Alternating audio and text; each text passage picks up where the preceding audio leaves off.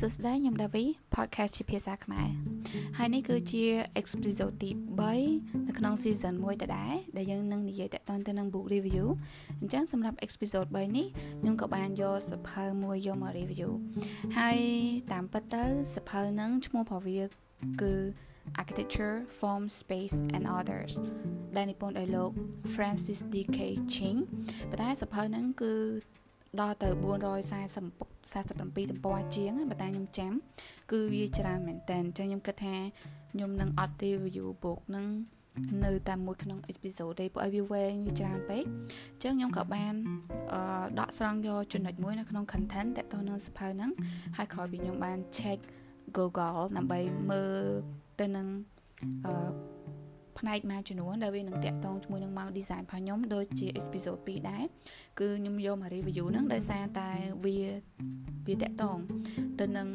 mount design អញ្ចឹងនៅពេលយើងមើលស្ពើនឹងបដាទៅហើយវាតាក់ជាមួយតាក់ទងជាមួយនឹង mount design អញ្ចឹងវាមានប្រយោជន៍ច្រើនសម្រាប់ខ្ញុំចឹងក្រៅពីខ្ញុំឆែកទៅវាជាលក្ខណៈ slide share ទេវាជាលក្ខណៈដូច PowerPoint អញ្ចឹងសភៅហ្នឹងអត់ដូច PPT ឯដូចគេថតហើយគេរៀបជា slide ឲ្យយើងមើល ចឹងនៅក្នុងហ្នឹងអឺគេដាក់ឈ្មោះឲ្យ slide នឹងថា circulation of architectural space through សំដៅ the movements through spaces ចឹងទាំងអស់វាមាន49 slide ជាភាសាអង់គ្លេសចឹងខ្ញុំគិតថាវា comfortable ដែលខ្ញុំអាចយកវាមក review នៅក្នុង episode 3នេះបានយ៉ាអញ្ចឹងយើងចូលក្នុងនោះតែបើវាអត់មាន content ទេប៉ុន្តែខ្ញុំរៀប content ដោយខ្លួនឯងដើម្បីងាយស្រួល ដល់បងប្អូនយើងនៅពេលដែលគាត់ស្ដាប់ទៅគាត់អាច catch main point ហើយវាផ្ដល់ភាពងាយស្រួលដល់គាត់ងាយស្រួលយល់ណាពេលខ្ញុំនៅពេលដែលខ្ញុំហ្នឹងនិយាយអញ្ចឹងយ៉ាចឹងនៅក្នុង content ហ្នឹងខ្ញុំចែកទៅជា8ចំណុចនៅក្នុងហ្នឹងខ្ញុំនឹងនិយាយទី1គឺ definition និយមន័យទី2 obvious and less obvious នេះវាវាច្បាស់លាស់ហើយនឹងមិនសូវច្បាស់លាស់ ទី3 circulation effect អឺផលប៉ះពាល់ឬក៏ផលនៃ circulation circulation ហ្នឹងនៅពេលដែលខ្ញុំបកជាភាសាខ្មែរវាអាចមានន័យពីរទី1ជាដំណើរឈាមរត់ហើយទី2ការត្រាច់ចោលឬក៏លំហូរចលនាផលមនុស្សនៅក្នុងអគារមួយអញ្ចឹងឥឡូវខ្ញុំបកវាថាគឺជាផលនៃចលនារបស់មនុស្សនៅក្នុងអគារអញ្ចឹងណាទី4 component of circulation ទី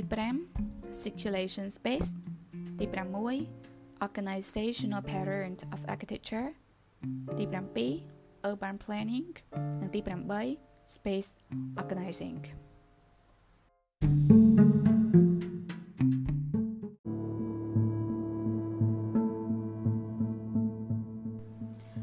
ចឹងចំណុចទី1គឺនិយមន័យតកតទៅនឹងពាក្យថា circulation ហ្នឹង ចឹង circulation ហ្នឹងយើងអាចយកន័យតាមពីរដែលមកខ្ញុំបានបកជាខ្មែរហើយនៅក្នុង intro ប៉ុន្តែខ្ញុំនឹង mention ឲ្យច្បាស់ថែមទៀតអញ្ចឹងទី1នៅក្នុងន័យវិទ្យាសាស្ត្រឬន័យជីវវិទ្យាគឺមានន័យថា circulation ហ្នឹងគឺជាលំហូរឈាមនៅក្នុងរាងកាយរបស់យើងហើយមួយទៀតគឺតាមន័យបកតាមន័យស្ថាបត្យកម្ម circulation ហ្នឹងគឺគេផ្ដោតទៅលើច្រកចេញច្រកចូលមានន័យថា the way to enter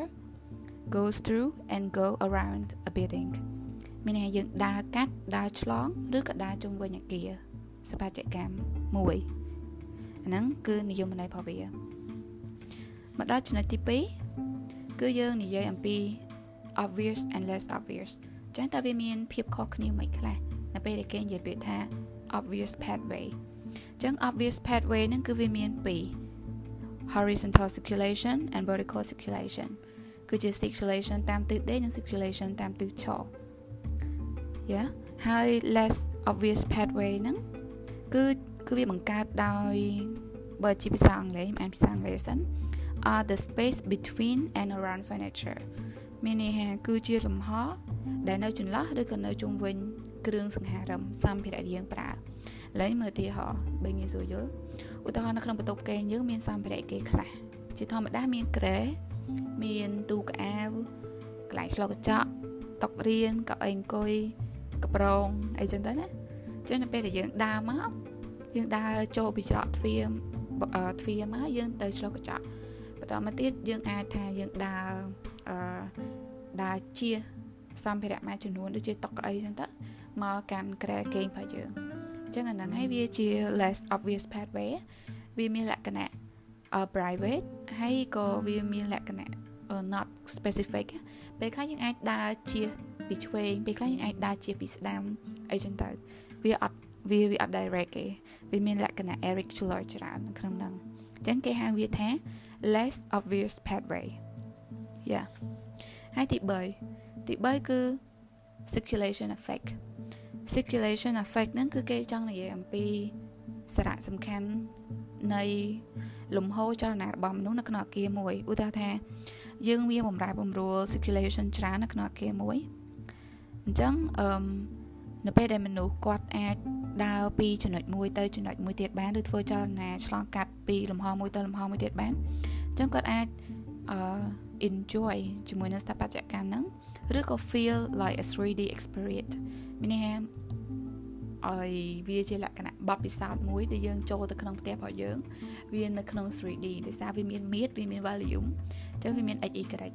ហើយនឹង z ប៉ុន្តែ បើនិយាយរត់ឲ្យរត់តែត្រឹមត្រូវមែនតើណាតែបើវាមានលក្ខណៈជា 4D ដោយសារឲ្យគេនៅពេលដែលយើងមានចលនានៅក្នុង space មួយនៅក្នុងលំហមួយនៅក្នុង value មួយដែលវាមាន x y ស្រាច់ហើយវាជា 3D ហើយប៉ុន្តែវាមានបំរែបំរួលពេលមួយទៀតគឺ variation t គឺតំណាងឲ្យពេលវេលាអញ្ចឹងតាមពិតគឺវា 4D x y z ហើយនឹង t យ៉ា ហើយអឺអា circulation effect ហ្នឹងគឺវាអាច judge building ហ្នឹងថា beautiful ឬក៏អត់វាជា success ឬក៏ failure បានណាដោយសារគេឥឡូវយើងមើលថាបើសិនបើយើងអាចមួយយើងអាចមានចលនានៅក្នុងលំហហ្នឹងឯងអញ្ចឹងស្ថាបត្យកម្មហ្នឹងគឺគាត់ប្រៀបគាត់ប្រៀបដូចជា steak មួយឆាកមួយ ដែលយើងអង្គុយមកកដប់ហើយយើងមើលវាពេលខ្លះយើងអាចគេអាចនិយាយថាជាលក្ខណៈ entertaining to look at ដូចយើងនៅក្នុង studio មួយចឹងហើយយើងមើលគេផ្សាយអីមួយយើងឃើញវាជាលក្ខណៈ 3D value មែនយើងមើលបានមែនប៉ុន្តែខ្លួនយើងអត់មានកម្រាស់អីទេអត់មាន movement អត់មាន connection អត់មាន real touch អារសជាតិពិតប្រាកដនៅពេលយើងចូលទៅក្នុងនឹងហ្មងវាមិនគឺយើងអត់មានទេយ៉ាហើយមួយទៀតពេលហ្នឹងក៏គេបាន pop up សំណួរមួយដាក់ថា how can you appreciate beautiful space if you don't know where to go អញ្ចឹងអាការរៀបចំ circulation នៅក្នុងអាគារហ្នឹងគឺវាសំខាន់មែនតើសម្រាប់ស្ថាបត្យកម្មមួយ ដើម្បីអាចឲ្យអា concept ផុសស្ថាបត្យករហ្នឹងគឺគាត់មាន real connection នៅពេលដែលមនុស្សគាត់បានប្រើប្រាស់ស្ថាបត្យកម្មហ្នឹងអញ្ចឹងគឺវាអាស្រ័យទៅលើ movement ផុសមនុស្សហ្នឹងឯងថាតើយើងដាក់ obstacle ច្រើនពេកភាពរាំងស្ទះ សម្រាប់គាត់ច្រើនពេកចឹងគាត់មានអារម្មណ៍ថាគាត់ដូចមិនមែននៅក្នុងស្ថាបត្យកម្មទេគាត់ដូចនៅក្នុងកន្លែង stressful អីមួយតែបើយើងរៀបវាត្រូវទៅវាទៅជាកន្លែងមួយដែល beautiful feel continuous ពេលយើងដើរទៅចេះបន្តទៅរហូតយ៉ាឥឡូវយើងចូលដល់ចំណុចទី4ចំណុចទី4គឺ component of circulation គឺជាធាតុរបស់ circulation នៅក្នុងហ្នឹងខ្ញុំឃើញគេមានគេនិយាយពីពីរបស់ពីរណានៅពេលដែល talk about circulation នៅពេលដែលយើងនិយាយតកតងទៅនឹងលំហូររបស់មនុស្សនៅក្នុងអាគារមួយគឺ typically don't try to account for where every person might go but we often approximate the main route of the majority of user ចាំនេះហេគឺជាធម្មតាគឺយើងអត់យកចិត្តទុកដាក់ទៅលើកន្លែងដែលមនុស្សគ្រប់គ្នានឹងទៅឯងមានន័យថាបើតាមខ្ញុំគិតគឺខ្ញុំគិតថាគេអត់ អាស្រ័យលើ destination ទិសដៅផងមនុស្សនឹងទៅឯងប៉ុន្តែគេគិតច្រើនទៅលើ main route គឺផ្លូវចាំបាច់ឬក៏ផ្លូវសំខាន់សំខាន់នៅក្នុងអាគារហ្នឹងដែលមានអ្នកប្រើភាកច្រើនចឹងបើតែខ្ញុំគិតណាឧទាហរណ៍សួរស្ដាប់ឧទាហរណ៍ថាពីផ្ទះយើងឬក៏ពីភ្នំពេញទៅ destination ណាដែលមនុស្សយើងក៏ត្រូវទៅកំពង់ឆ្នាំងឬពោធិ៍សាត់ហើយអ្នកខ្លះក៏ ទៅកំពង់ធំព្រះវិហារសៀមរាបអញ្ចឹងទៅគឺគេអត់ខ្វល់ទេថាមនុស្សដែលនៅទីក្រុងភ្នំពេញហ្នឹងគាត់នឹងទៅណាប៉ុន្តែអ្វីដែលនៅពេលដែលគេនិយាយពី circulation ហ្នឹងគឺគេគិតពីផ្លូវវិញផ្លូវជាលេខ6មានអវាចម្ងាយប៉ុណ្ណាបើយើងទៅពោធិ៍សាត់យើងគួរជិះតាមផ្លូវជាលេខ5ផ្លូវជាលេខ6មួយណាវាទៅដល់មុនមួយណាវាផ្ដល់ភាពងាយស្រួលហើយមួយណាដែលធ្វើឲ្យមនុស្សគាត់មានអារម្មណ៍ថាវាអត់សូវវាអត់សូវបាក់ងាយស្រួលទៅដល់ ចឹងបើតាមខ្ញុំយល់នៅពេលដែលគេនិយាយអំពី circulation គឺគេនិយាយគឺគេនិយាយអំពីការរៀបចំផ្លូវទៅដល់ទិសដៅអីមួយ តែគេអត់និយាយពីអទិសដៅនឹងហ្មងឯងគេនិយាយពី functional space ឬ destination ឯងគេនិយាយអ្វីដែលនាំយើងទៅដល់ហើយហ្នឹងអញ្ចឹងគឺផ្លូវនឹងឯងប៉ុន្តែបើសិនបើបងប្អូនយើងគាត់គិតថាមានន័យអីផ្សេងសម្រាប់អាគំនិតដែលខ្ញុំនិយាយមិញហ្នឹងគឺគាត់អាចអឺ voice mistake ឬក៏ comment អីបានមកប្រាប់ខ្ញុំណានេះបើតាមខ្ញុំគិតទេសម្រាប់ពេលដែលខ្ញុំមើលទៅនៅក្នុងអឺ slide ហ្នឹង yeah ហើយបន្តមកទៀតគឺអឺប្រភេទនៃការបែងចែកមានន័យថាប្រភេទនៃការបែងចែក circulation នៅក្នុងអាគារមួយគឺវាអាស្រ័យទៅនឹង project project របស់គាត់ថាតើគាត់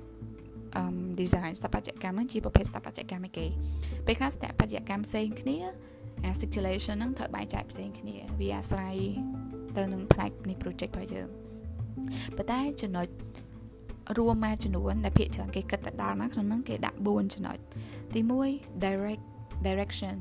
of movement មានន័យថាជាទិសដៅរបស់ចលនាវាអាច vertical or horizontal វាអាចទិសឈរឬក៏ទិសដេក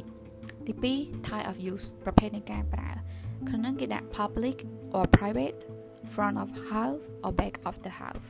មានវាវាជាលក្ខណៈសាធារណៈឬក៏ឯកជនទី3 frequency of use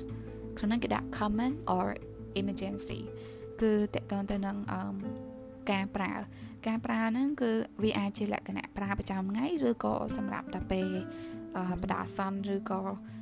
មានបញ្ហាអីចឹងលក្ខណៈ emergency បន្ទាន់អញ្ចឹងទៅគេត្រូវប្រើអឺផ្លូវហ្នឹងអីចឹង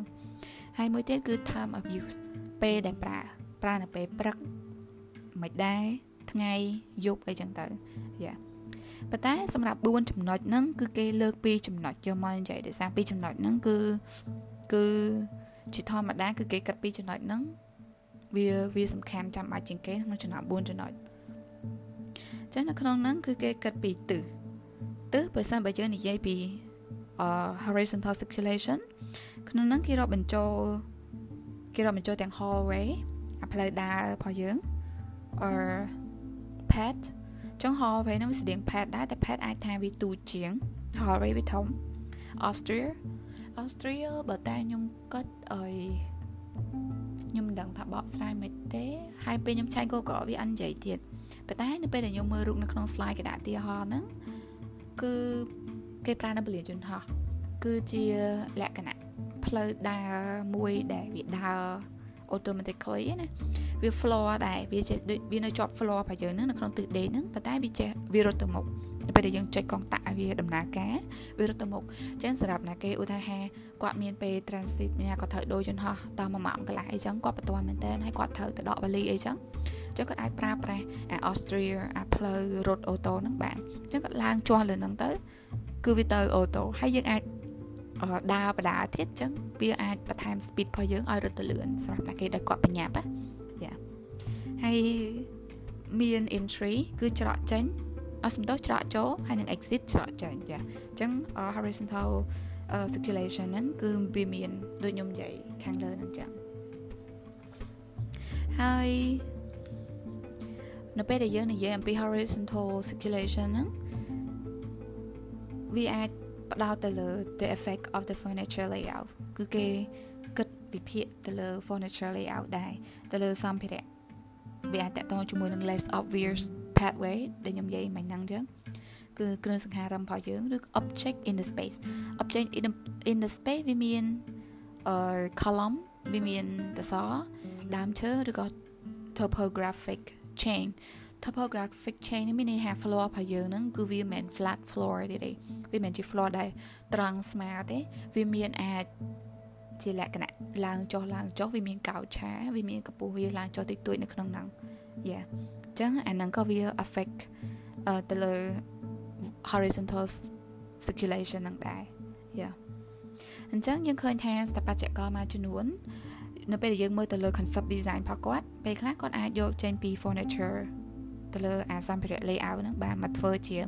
ផ្នែកមួយនៃ concept design របស់គាត់អដោយសារអីគេដោយសារនៅពេលនៅក្នុងទិសដេកអញ្ចឹងសម្ភារៈអស់ហ្នឹងគឺវាអាចមានតំណាក់តំណងទៅលើ3ចំណុចទី1 the flow នេះថាលំហូរចលនារបស់មនុស្សគឺការសម្រេចចិត្តរបស់មនុស្សណាថាគាត់ដើរគួរជាឆ្វេងឬជាស្ដាំហើយទី2គឺ function គឺតួនាទីរបស់ furniture ហ្នឹងហើយនិងទី3គឺ the feeling of the space គឺមានន័យផាក់ផាទៅនឹង space atmosphere គឺ អឺអារម្មណ៍នៅក្នុងប្រហែលជាខ្ញុំបកសរសំទេនិយាយទៅគឺ space atmosphere យ៉ាបរិយាកាសនៅក្នុងលំហហ្នឹងអីចឹងណាហើយចូលដល់ទី2គឺ vertical circulation គឺ circulation ទៅតាមទិសឈរទិសឈរហ្នឹងក្នុងហ្នឹងវារួមមាន stair ចដាចដាយើងដើរជើងធម្មតា lift lift ទៅពេលដែលខ្ញុំឆែកកកទៅវាគេបង្ហាញ elevator អ្វីគេ elevator ណាចដាប្រអប់តាមទិសឈរ ram ram ជា ram ជាស្តៀងចដាដែរប៉ុន្តែវាមានកាមវាមានកាមទេតែយើងត្រូវដើរថ្មើរជើងដែរតែវាមានកាមទេវា smooth ប៉ុន្តែវាមានឡើងតាមមុំអញ្ចឹង ram ហ្នឹងគឺគេមាន standard value របស់គេទៅតាមប្រទេសមួយមួយដោយនៅអាមេរិក incline angle ហ្នឹងភាគច្រើនគេប្រើខ្ទង់ពី9ទៅ11ដឺក្រេអញ្ចឹងផ្លូវហ្នឹង RAM RAM ហ្នឹងភាគច្រើនគេ design សម្រាប់ជនពិការអីចឹងណាឬសម្រាប់ space មួយដែលគាត់មានកម្ពស់ទៅឧទាហរណ៍ថាកម្ពស់ទៅ4ម៉ែត្រប៉ុន្តែបដៅគាត់វែងអញ្ចឹងចរាហ្នឹងគាត់អាចធ្វើរៀងវែងបានអញ្ចឹងអាមុំ incline របស់គាត់ហ្នឹងក៏វាទូចទៅតាមហ្នឹងអញ្ចឹងគេបង្កើតវាទៅជា RAM យ៉ាហើយមួយទៀតគឺ ladder ហើយនឹងមួយទៀតគឺ escalator escalator គឺចរាយន្តយើងកុំច្រឡំចរាយន្តនិងចរាប្រអប់ណាចរាយន្តហ្នឹងគឺវាមានកម្មដូចចរាជើងអញ្ចឹងប៉ុន្តែវារត់យើងត្រូវចុចកងតាក់ឲ្យវាវារត់គឺវាត្រូវប្រើកងតាក់តតទៅនឹង temple យ៉ាអគិសនីដើម្បីដំណើរការម៉ាស៊ីនហ្នឹងឲ្យវាឡើងប៉ុន្តែ escalator ក្នុងហ្នឹងគេផ្ដោតទៅលើអឺចរា ចរាយន្តហើយវាមានកម្មប៉ុន្តែសម្រាប់នៅផ្សារទំនើបឬ shopping mall មួយចំនួននៅពេលដែលយើងដើរផ្សារជាធម្មតាយើងត្រូវមានអាកត្រករញកត្រកមានជើងហើយយើងរញដើម្បីពេលយើងដើរទិញអីវ៉ាន់ច្រើនចុះទៅយើងអាចយូរយើងវាហត់វាពិបាកអញ្ចឹងគេត្រូវមានអាកត្រករុញហ្នឹងអញ្ចឹងយើងទិញហើយដាក់អវ៉ាន់ចូលកត្រករុញឧទាហរណ៍យើងទិញនៅជាន់ទី2ហើយត្រូវកាត់លុយនៅជាន់ទី1អញ្ចឹងត្រូវចុះមកវិញចុះមកមិនអញ្ចឹងជាធម្មតាគេអត់ធ្វើចដាប្រអប់ទេ គឺធ្វើចដាយន្ត escalator ហ្នឹងដែរប៉ុន្តែមានកាមទេយ៉ាវាលក្ខណៈដូច RAM អញ្ចឹងប៉ុន្តែវាដើរដោយ temple គិសនីវាត្រូវមានចុចកងតាក់ឲ្យម៉ាស៊ីនហ្នឹងដើរប៉ុន្តែផ្ទៃផុសផ្ទៃផុសអាចដើរនឹងវាមានភាពក្រើមក្រើមដើម្បីវា stick ជាមួយនឹងបាតស្បែកជើងរបស់យើងហើយវាអាចកាត់បន្ថយ slippery មានអាការរអិលបានយ៉ាហើយដល់ចំណុចទី2ក្រៅពីទិសដៅផុសអឺ circulation ហ្នឹងទៅគឺតកតទៅនឹងការប្រើ usage ជាចំណុចទី2សំខាន់ក្នុងនោះគេមានបែងចែកជា2 public circulation public circulation គឺជាលំហូរចលនារបស់មនុស្សមានលក្ខណៈជាអឺសាធារណៈអញ្ចឹងជាធម្មតាវា most widely and easily accessible គឺវាធំទូលាយហើយងាយស្រួលងាយស្រួលក្នុងការប្រើប្រាស់ងាយស្រួលក្នុងការទៅមកអីចឹងណាហើយពេលខ្លះវាអាច overlap with other function វាអាចត្រួត ឬក៏ដាក់នៅពីលើ functional space មួយចំនួនដូចជា lobby ឬ gallery ឬ oxstrom អីចឹងទៅយ៉ាប៉ុន្តែនៅពេលដែលយើងធ្វើអា overlap with other function អញ្ចឹងយើងត្រូវកាត់លើបញ្ហា3យ៉ា key issue key issue ទី1គឺ visibility មានថាការមើលតើតើមួយការមើលរបស់យើងឧទាហរណ៍យើងនៅចំណុច A យើងត្រូវមើលទៅចំណុច B យើងចង់ដឹងថាខាងមុខហ្នឹងគេមានលក់អីអត់អីអត់ចឹងណាទៅវាទៅអាចដា public circulation របស់យើងហ្នឹងចឹង យើងត្រូវដោះស្រាយមិនទី2គឺ how crowd move តើតើជាមួយការស្ទះដែលមនុស្សច្រើនពេកវា public វានៅចំចំណុចកណ្ដាលធ្វើមនុស្សដើរកាត់ច្រើនចឹងវាត្រូវស្ទះច្រើនចឹងត្រូវកាត់មិនទី3 clear escape path តើតើជាមួយនឹងអាសន្នឧទាហរណ៍មានអគិភ័យឬមានបញ្ហាពីខាងក្រៅឬគ្រោះធម្មជាតិអីចឹងទៅចឹងមនុស្សគាត់មានការផាត់ភ័យក៏ត្រូវក៏ត្រូវរត់រត់ច្រកចេញហើយចឹងយើងត្រូវគិតពីបញ្ហាហ្នឹងដែរយ៉ា ដល់ប្រភេទទី2គឺ private circulation គឺជាលំហូរផុសមនុស្សដែលមានលក្ខណៈ private ឯកជនអញ្ចឹងហេតុអីមកគេត្រូវបង្កើតឬក៏ design ប្រភេទ private circulation អឺពេលខ្លះវាអាចតកតនឹងហេតុផលពីរទី1ដោយសារតែសម្រាប់អភិជនឬក៏លក្ខណៈ VIP service អីចឹងគឺគាត់ត្រូវការ security ខ្ពស់គាត់អត់ត្រូវការ share space ឬ share circulation មួយអ្នកគេទេ យ៉ាអាហ្នឹងមូលហេតុទី1មូលហេតុទី2គឺសម្រាប់ផ្នែកមួយចំនួនឧទាហរណ៍នៅក្នុងទស្សនៈឬសណ្ឋាគារអញ្ចឹងក៏តែងតែមានចរាខាងក្រោយចរាខាងក្រោយហ្នឹងគឺសម្រាប់បុគ្គលិកខាងគាត់សម្អាតឬបុគ្គលិក mechanic ដែលមានបញ្ហានៅក្នុងអាគារអីចឹងក៏ត្រូវដោះស្រាយអីមិនហ្នឹងអញ្ចឹងអញ្ចឹងក៏អត់ប្រើប្រាស់អាចដាសម្រាប់ភ្ញៀវទេក៏ប្រើប្រាស់អាចដាខាងក្រោយហ្នឹងដើម្បីឡើងមកស្អាតបន្ទប់ ឡើងមកសម្អាតតាមជាន់អីចឹងណាយ៉ាអញ្ចឹងវាយ៉ាគេប្រើហ្នឹងសម្រាប់បំរើឲ្យពួកគាត់ហ្នឹងអឺហើយជាធម្មតាអឺទីតាំងប្រកបហ្នឹងគឺតែងតែនៅខាងក្រៅអាគារឬខាងក្រៅផ្ទះជាធម្មតាហើយពេលខ្លះគេអាច compose like staff office or storage កន្លែងដាក់ផ្ទុកអីវ៉ាន់ឬក៏ office បុគ្គលិកអីជាដើមនៅភ្ជាប់ជាមួយនឹងអា private circulation ហ្នឹងយ៉ា ហើយមកដល់ចំណុចទី5គឺតកតទៅនឹង circulation space លំហរបស់អឺ circulation វាអាចមាន3ប្រភេទនៅពេលដែលយើងបង្កើត circulation ហ្នឹងវាអាចបង្កើត space មួយទៀតព្រមគ្នាជាក្នុងហ្នឹងអាចមាន space 3ហ្នឹងហ្នឹងទី1គេហៅថា enclosed space space ដែលបិទ enclosed គឺពាក្យ close ហ្នឹងហើយយ៉ាអញ្ចឹងអឺ close ហ្នឹងវាអាច forming a public walks through space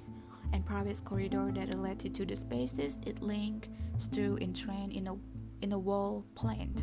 នេះហ่าវាអាចមានផ្លូវដើរអញ្ចឹងទៅប៉ុន្តែវាមានអញ្ចឹងនៅសងខាងយ៉ាអញ្ចឹងយើងមានអារម្មណ៍ថាវាវា enclosed space ពេលស្រោះពេលដែលយើងដើរកាត់ផ្លូវហ្នឹងប៉ុន្តែសម្រាប់ enclosed space ហ្នឹងវាអាចជាអារម្មណ៍របស់យើងអញ្ចឹងខ្ញុំហៅវាថាមួយ direct enclosed ហើយមួយទៀត indirect enclosed ឥឡូវយើងឧទាហរណ៍ ឧទាហរណ៍អាកន្លែងផ្លូវដើរមួយនៅជប៉ុនណាដែលគាត់មានក្របដោយដើមឈើឬក៏ដើមអាស័យយ៉ាដើមអាស័យក៏ដុះមកហើយមានប្រហោងកដាលហ្នឹងអញ្ចឹងមនុស្សយើងអាចដើរកាត់ខាងក្រោមហ្នឹងប៉ុន្តែយើងមានអារម្មណ៍ថាវា close វា close ដោយ nature ប៉ុន្តែ reality is not close យ៉ាវាអត់បិទទេគេពិតយើងអាចដើរទៅចំហៀងបានតែយើងដើរទៅទៅអី ដោយសារផ្លូវហ្នឹងក៏ដែរមានមនុស្សដើរពីមុនចឹងយើងមានអារម្មណ៍ថាវា close ហើយយើងដើរទៅតាមអាអឺអា form formal pathway ដែលគេមានស្រាប់យ៉ាហើយទី2គឺ open on one side គឺបើកម្ខាងបើនិយាយស្រួលស្ដាប់ដូចនៅដូចសាលារៀនយើងចឹងចឹងសាលារៀនមួយខ្នងគឺឧទាហរណ៍ថានៅខាងឆ្វេងដៃប្រកបគឺមានបន្ទប់រៀនយ៉ាពេលដែលគាត់ដើរចេញពីថ្នាក់រៀនមកគឺនៅខាងឆ្វេងដៃប្រកបហ្នឹង គឺវាមាន exterior corridor គឺមានផ្លូវដើរខាងក្រៅមួយ ដែលមានដបូលមានដបូលតម្លាក់សយាមកចឹងទៅហើយមានអាចមានប្រកាន់ដៃនៅខាងមុខថ្នាក់រៀនហ្នឹងប្រហែលជាខ្ទង់ធំចកេះយើងអាចកន្លះម៉ែត្រឬ7ទឹកអីយ៉ាហើយមាន composer សដើម្បី support អឺអា yeah អាដើម្បី support support អាចន់លើទៀតដែលមានផ្លូវដើរដូចជាន់ទីជាន់តដីអញ្ចឹងអញ្ចឹងអាហ្នឹងឯងដែលគេនៅខាងស្ដាំដៃរបស់យើង គឺជា ជញ្ជាំងហើយឆ្វេងដៃរបស់យើងគឺជា open side អញ្ចឹងយើងឲ្យឈ្មោះវាថា open on one side គឺបើកម្ខាង ទី2គឺបើកទាំងសងខាងអញ្ចឹងតបើកទាំងសងខាងគឺវាយ៉ាឧទាហរណ៍ដូចនៅគឺ Parthenon Parthenon អ approach ពីមុខវាហ្នឹងមកដើរចូលដល់លំហខាងក្នុងគឺវាមាន approach ខាងមុខវាដែលមានសសរត្រៀបជួរខាងមុខហ្នឹងប្រហែលជា6 7 ហើយមានជួរសសរទី1ទី2ទី3ទី4ដែលគេត្រៀបវាជាលក្ខណៈ linear អញ្ចឹងមនុស្សយើងដើរចូលទៅក៏មានអារម្មណ៍ថាវា open វា open on both side គឺវា compose សារសសរឡើងយ៉ាដល់ចំណុចទី6គឺ organizational pattern of architecture គឺការរៀបចំ pattern នៅក្នុងស្ថាបត្យកម្ម pattern ហ្នឹងគឺគំរូគំរូយ៉ានៅក្នុងហ្នឹងគេដាក់6ចំណុចធំធំទី1គេហៅថា linear linear ហ្នឹងគឺបើយើងបកទៅស្របគឺគេមាន pathway មួយដាក់ជាបន្ទាត់ចឹងទៅហើយមានគេ compose space នៅសងខាងបន្ទាត់ហ្នឹងចឹងគេហៅហៅវាថា linear ទី2គឺ axle គឺ ax គឺវាចាប់ពី2ឡើងទៅចឹងនៅក្នុងហ្នឹងគេដាក់ឧទាហរណ៍អា2កែងគ្នាហើយ space មាន space ហ្នឹងដាក់នៅសងខាងអាអឺអាទាំងពីរហ្នឹងចឹងយើងឃើញថា pathway surrounded by space គឺផ្លូវដើរគឺព័ទ្ធជុំវិញដោយលំហហើយទី3គឺ grid grid គឺលក្ខណៈជា regular ជាធម្មតាមិនថាវាអាក់ទាំងអស់ហ្នឹងវាកែងគ្នាឬក៏ trade តែវាត្រូវតែស្របគ្នាពីពីដែលបង្កើតបានជា regular form យ៉ាហើយជាធម្មតាគឺ space surrounded by pathway គឺលំហជុំនេះលំហគឺវាព័ទ្ធជុំវិញដោយផ្លូវដើរយ៉ាហើយទី4គឺ central central ហ្នឹងគឺវាមានអានិយាយទៅដូចវងអញ្ចឹងវាមានចំណុចកដាលហើយពីចំណុចកដាលហ្នឹងទៅ space ហ្នឹងគឺវាមានប្រវែងស្មើស្មើគ្នាចាំមានន័យថាវា compose ទៅដោយរង្វង់តែមួយឯងបានវាមានកម្មប៉ុនប៉ុនគ្នាហើយគេហៅវា central ហើយទី5គឺ radial radial គឺមានន័យថាវាដូច central ដែរប៉ុន្តែវា compose ពីរង្វង់ច្រើនវាអាចរង្វង់3 4អីចឹង multi cycle យ៉ាចឹងទៅវាមានចំណុចក្តាររួមប៉ុន្តែពីចំណុចក្តារហ្នឹងទៅ space មួយមួយវាអាចនឹងមាន distance ខុសគ្នាយ៉ាហើយនឹងទី6គឺ cluster cluster ហ្នឹង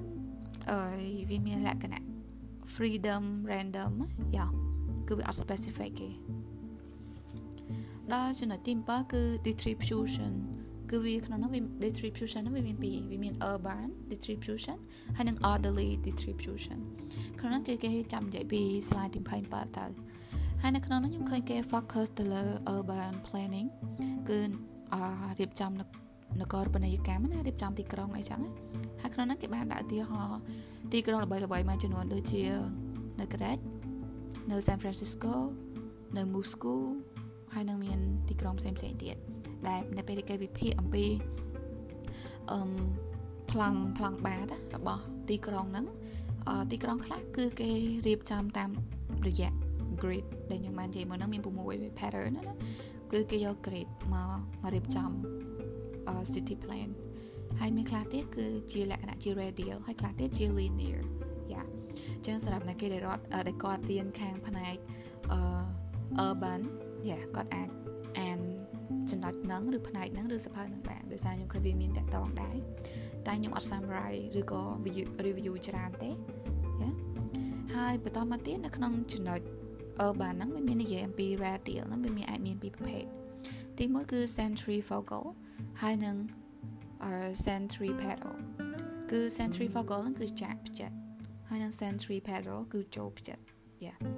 ហើយនៅចំណុចទី8ជាចំណុចចុងក្រោយនៅក្នុងអឺ slide review របស់យើងគឺ bubble diagramming គឺតកតងទៅនឹង space organizing យ៉ាគឺការគ្រប់គ្រងឬការបែងចែកលំហនៅខាងក្នុងអគារអញ្ចឹងការបែងចែកលំហនៅក្នុងអគារគឺវាមានភាពពាក់ព័ន្ធទៅនឹងលំហរបស់មនុស្សយ៉ាទៅគេនិយាយមាននិយាយនៅក្នុង articulation ហ្នឹងចឹងក្នុងហ្នឹងគេមានដាក់ bubble diagram matrix diagram schematic ហើយនិង book ហើយនិង box diagram ចឹងទាំងអស់ហ្នឹងគឺសិតតែជាជាវិធីសាស្ត្រឬក៏ជា program ដែលយើងអាចបង្ហាញទៅ client ឬគ្រូបរិញ្ញាបត្ររបស់យើង អំពីការរៀបចំប្លង់បានរបស់យើងរៀបចំលំហរបស់យើងនៅក្នុងអគារដែលវាមានប្រហែលជាន់ហើយជាន់មួយមួយហ្នឹងគឺវាមានលំហអីគេខ្លះដែលគេត្រូវប្រើហើយវាមាន connect របស់វាហ្នឹងអឺបែបម៉េចអញ្ចឹង មូលហេតុដែលគេបង្កើតឲ្យមាន bubble diagram matrix diagram អីហ្នឹងគឺអាស្រ័យទៅនឹង5ចំណុចដែលខ្ញុំសង្ខេបណាដែលខ្ញុំពេលខ្ញុំអានទៅខ្ញុំសង្ខេបមកបាន5ចំណុចទី1 explore exploring relation uh, among the size គឺយើងអាចគិតពីទំហំទំហំរបស់ space មួយមួយគឺយើងអាចកំណត់វាថា approximately ប្រហែលប៉ុន្មានហើយមើលប៉ុន្មានឲ្យវាមានលក្ខណៈ reasonable ហើយ connected ជាមួយនឹង space ផ្សេងទី2គឺ adjacency between two function space យ៉ាគឺភាពជាប់គ្នានៃលំហដែលវាមានមុខនីតិ2យ៉ាហើយមួយទៀតគឺបន្ទាប់ពីលំហជាប់គ្នាមកគឺលំហត្រួតគ្នាយ៉ាហើយទី4 uh, the space need to carry out a function មានន័យថាលំហមួយមួយត្រូវតែមានតួនាទីរបស់វាអញ្ចឹងនៅពេលដែលយើងបានបែងចែកលំហហើយយើងអាចបែងចែកតួនាទីរបស់វាស្របពេលជាមួយគ្នាហ្នឹងហើយនឹងចំណុចចុងក្រោយគឺ approximate shape of the space need for various activity មានន័យថាយើងអាចយើងអាចស្រមើមើលមានន័យថាយើងអាច approximately space shape មានរូបរាងផុសលំហហ្នឹងថាតើវាគួរមានរាងត្រីកោណរាងរង្វង់ឬក៏រាងការ៉េអីចឹងឬក៏ curve អីចឹងទៅ ដើម្បីឲ្យវា have a good cooperation ហើយវា comfortable សម្រាប់សកម្មភាពផ្សេងផ្សេងនៅក្នុងប្លង់បាតរបស់យើងហ្នឹងយ៉ាហើយក្នុងហ្នឹងក៏ខ្ញុំឃើញមានគេដាក់ឧទាហរណ៍អឺមួយចំនួន ថាតា bubble diagram ហ្នឹងគឺគឺវាគឺវាមានរូបរាងបែបម៉េចហើយគេ divide វាឬក៏ arrange វាបែបម៉េចយ៉ាអញ្ចឹងសម្រាប់បងប្អូនយើងអឺ តកតងជាមួយនឹង circulation នេះគឺអ្នកគេដែលគាត់រៀនស្ថាបត្យកម្មហើយគាត់អានសភៅនឹងល្អតែអ្នកដែលគាត់អត់តន់រៀនកម្មផ្នែកស្ថាបត្យកម្មនឹងទេអឺគឺអាចនឹងមានអារម្មណ៍ថាពេលអានតើសិស្សយល់ដោយសារយើងអត់តបានជួបបញ្ហាអស់ហ្នឹងយ៉ាដោយសារខ្ញុំអីខ្ញុំធ្លាប់ធ្វើ project ច្រើនដែរជួនទៅខ្ញុំដឹងថាអត្ថប្រយោជន៍ post circulation ហ្នឹងវាវាមានប៉ុណ្ណាសម្រាប់យើងជាស្ថាបត្យករហ្នឹងយ៉ាហើយយ៉ាដោយលើកមុនលើកមុនអញ្ចឹង គឺខ្ញុំនឹងដាក់ detail មួយចំនួនហើយនឹងសភៅឈ្មោះសភៅហ្នឹងនៅក្នុង description យើងអាចចូលទៅ check បន្ថែមហើយឥឡូវនេះខ្ញុំសន្មតថា episode 3របស់យើងគឺយ៉ាចាប់តែប៉ុណ្្នឹងហើយ Goodbye